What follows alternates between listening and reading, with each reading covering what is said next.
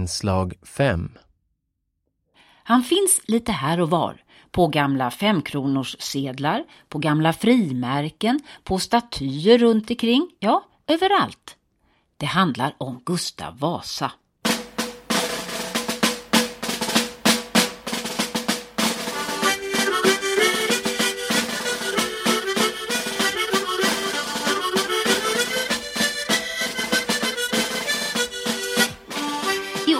Är det 500 år sedan Gustav Vasa den 6 juni 1523 valdes till Sveriges kung. Några dagar senare, på midsommardagen, red han in i Stockholm. Gustav Vasa blev kung efter det att Sverige legat i otaliga fejder med bland annat Danmark. Gustav Vasa, som troligen föddes runt år 1496 i Uppland, någonstans i närheten av nuvarande Vallentuna, var kung fram till sin död 1560. Genom Gustav Vasa infördes en arvsmonarki i Sverige, en monarki som regerade ett enat rike. Gustav Vasa kan helt enkelt ses som en del av grundandet av nationen Sverige.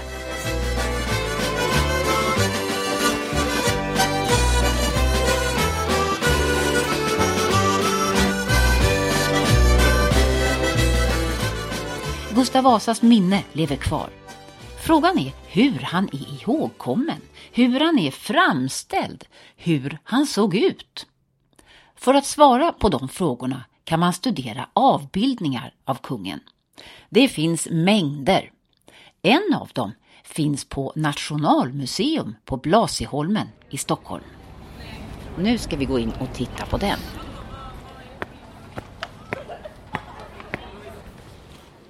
Ja, här i övre trapphallen på Nationalmuseum finns en känd avbildning av Gustav Vasa.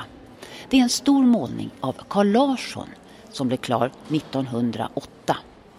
Gustav Vasas intåg i Stockholm 1523 heter målningen. Och man ser här, den är mäktig.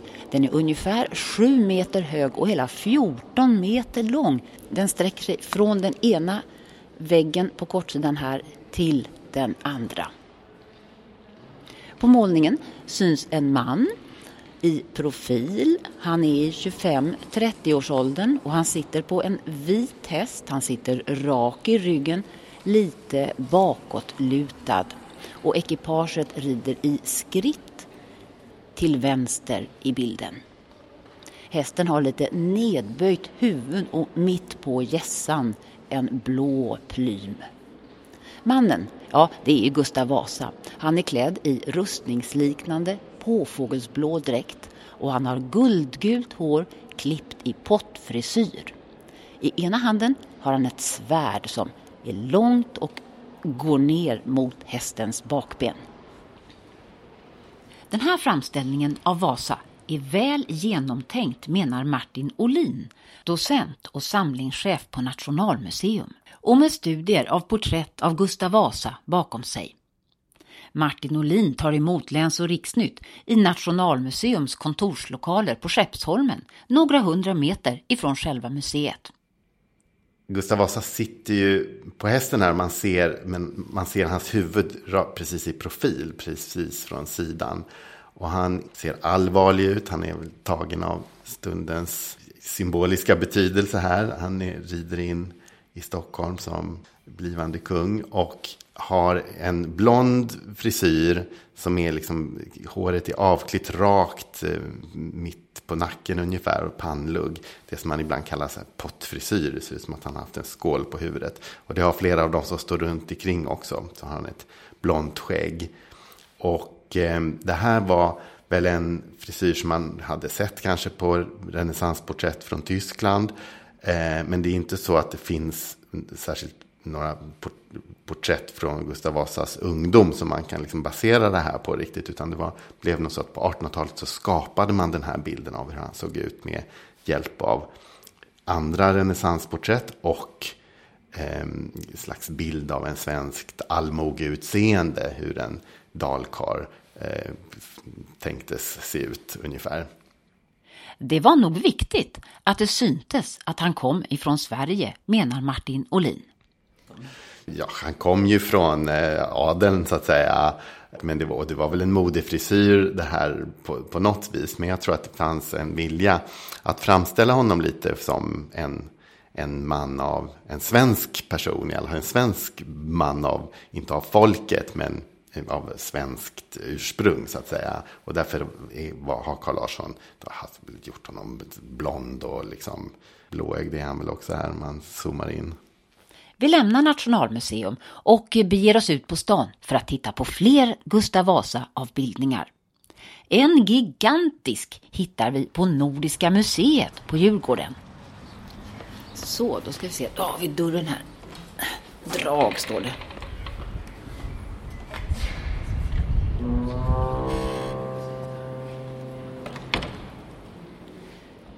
Ja, oj, här står jag nu framför en jättestaty inne i Nordiska museet.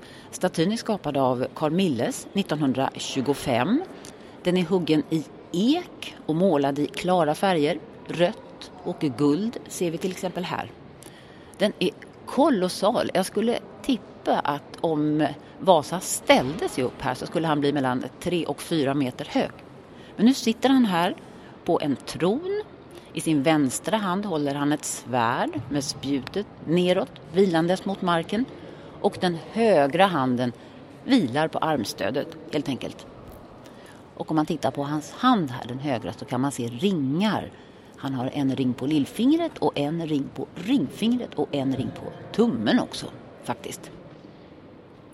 Hans frisyr är kort, men kortklippt, rak lugg och alldeles rakt klippt i nacken. Och han har skägg som är ungefär en decimeter långt och också klippt rakt av där nere. Och kungen sitter ju här på en tron och tronen står på en sockel ungefär en och en halv meter hög och på framsidan av den här sockeln, alltså den sidan som möter besökaren så fort besökaren kommer in står det med röda bokstäver mot en gyllene botten. Det står varor svenske. Varor med W och svenske med W, alltså med gammal stavning. Även detta verk vill lyfta fram det svenska kulturarvet, säger Martin Olin. Ja, igen, Milles här i den här stora statyn som står i, i Nordiska museet har nog också sneglat på det här porträttet i Uppsala med pannluggen och det rakklippta skägget och frisyr, pottfrisyren. Här ser han lite äldre ut ändå. Jag tror att det fanns en tidigare version av den här statyn där han hade mer ett längre skägg och såg var lite äldre ut. Men jag tror att man ville ha den här liksom kraftfulla kungen i sin eh, kraftsdagar.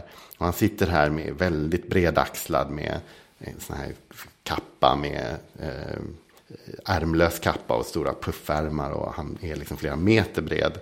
Och ett svärd som han sätter ner i marken och ser mycket bestämd ut. Han har djup rynka mellan ögonen här. Och det här är den här Gustav Vasa som sa rätten och packen eder här efter och höll liksom räfst och rättarting med, med adelsmännen. Och det som står under är ju liksom hur man ska tolka den. Det står varer svenske. Om han nu sa det eller inte. Men det är en slags eh, idé om att man ska vara, i Sverige ska, ska svenskarna liksom uppföra sig och vara som svenskar, vad nu det är för någonting. Och det var en idé som fanns på slutet av 1800-talet, jättestarkt kopplad till tidens nationalism. Och också till idén med Nordiska museet, att man skulle samla in liksom svenskt kulturarv och nordiskt kulturarv och liksom stärka den nationella identiteten. Så man var liksom lite orolig för att den höll på att eh, försvinna. Inte genom invandring utan genom utvandring. Att det var så många som flyttade till, till USA och eh, ville liksom lämna fattigdomen i Sverige. Ser han svensk ut själv?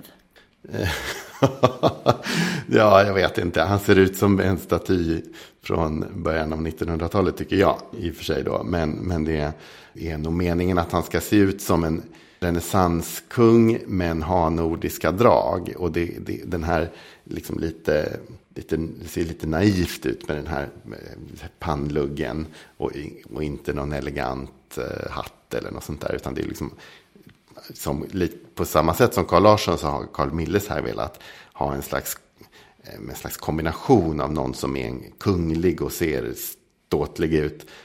Och samtidigt har någon slags lite enkelhet och ursprunglighet i ansiktsdrag och liksom ingen, inte för mycket bjäfs, eh, inget mode, ingen modefrisyr. Så. Verket är nog inte direkt skapat för eftervärlden, menar Martin Olin. Snarare för dåtidens besökare.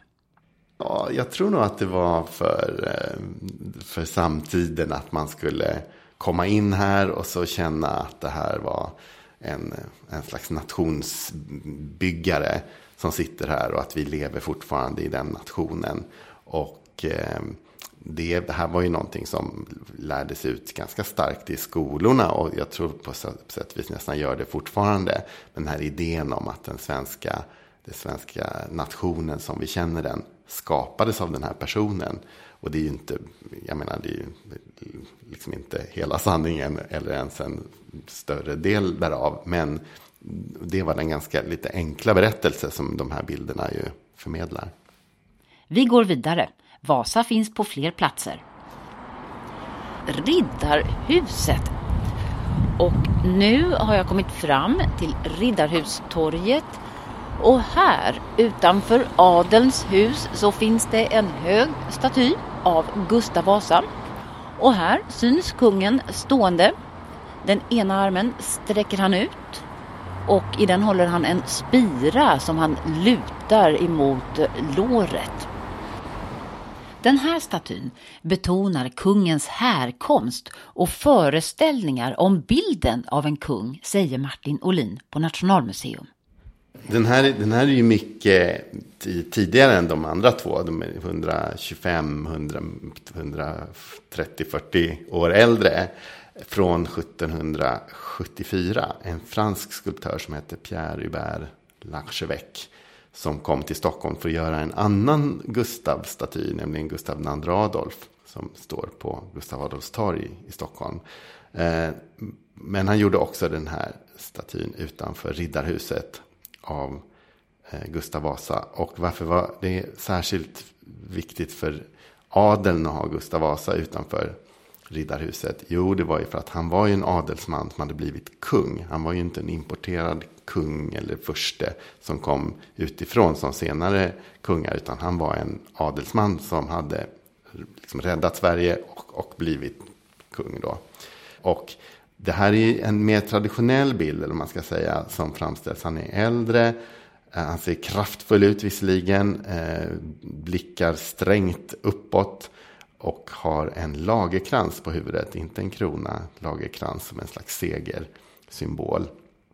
Och så håller han i en spira som han sätter liksom i, i låret så här och så har han en andra handen i sidan och liksom en stor bronsmantel en slags kroppsspråk som talar om eh, en slags makt och stöddighet. Eh, och sen har han eh, ett slags eh, ja, hosor då, ett slags puffbyxor och under så har han strumpor, benen i strumpor som man ser liksom lite mer anatomiskt benen. Och här har väl konstnären helt enkelt tagit en slags bild hur en, hur en kung ska se ut lite halvt baserad på 1500 mode men, men inte, inte särskilt specifikt. Och det mesta man ser är en sån här kungamantel med pälskrage och han har också en sån här pipkrage eh, runt halsen om man tittar noga. Det är en, en sån här veckad linnekrage som, som är som liksom en liten, liten kvarnsten, ganska liten i det här fallet, som sitter runt halsen. Det finns fler avbildningar av Gustav Vasa och vill man få en så nyanserad bild som möjligt av kungen kan man besöka andra ställen, säger Martin Olin. Dels några porträtt som vi har här på Nationalmuseum som jag har eh, skrivit lite grann om som är mer gjorda på 1500-talet.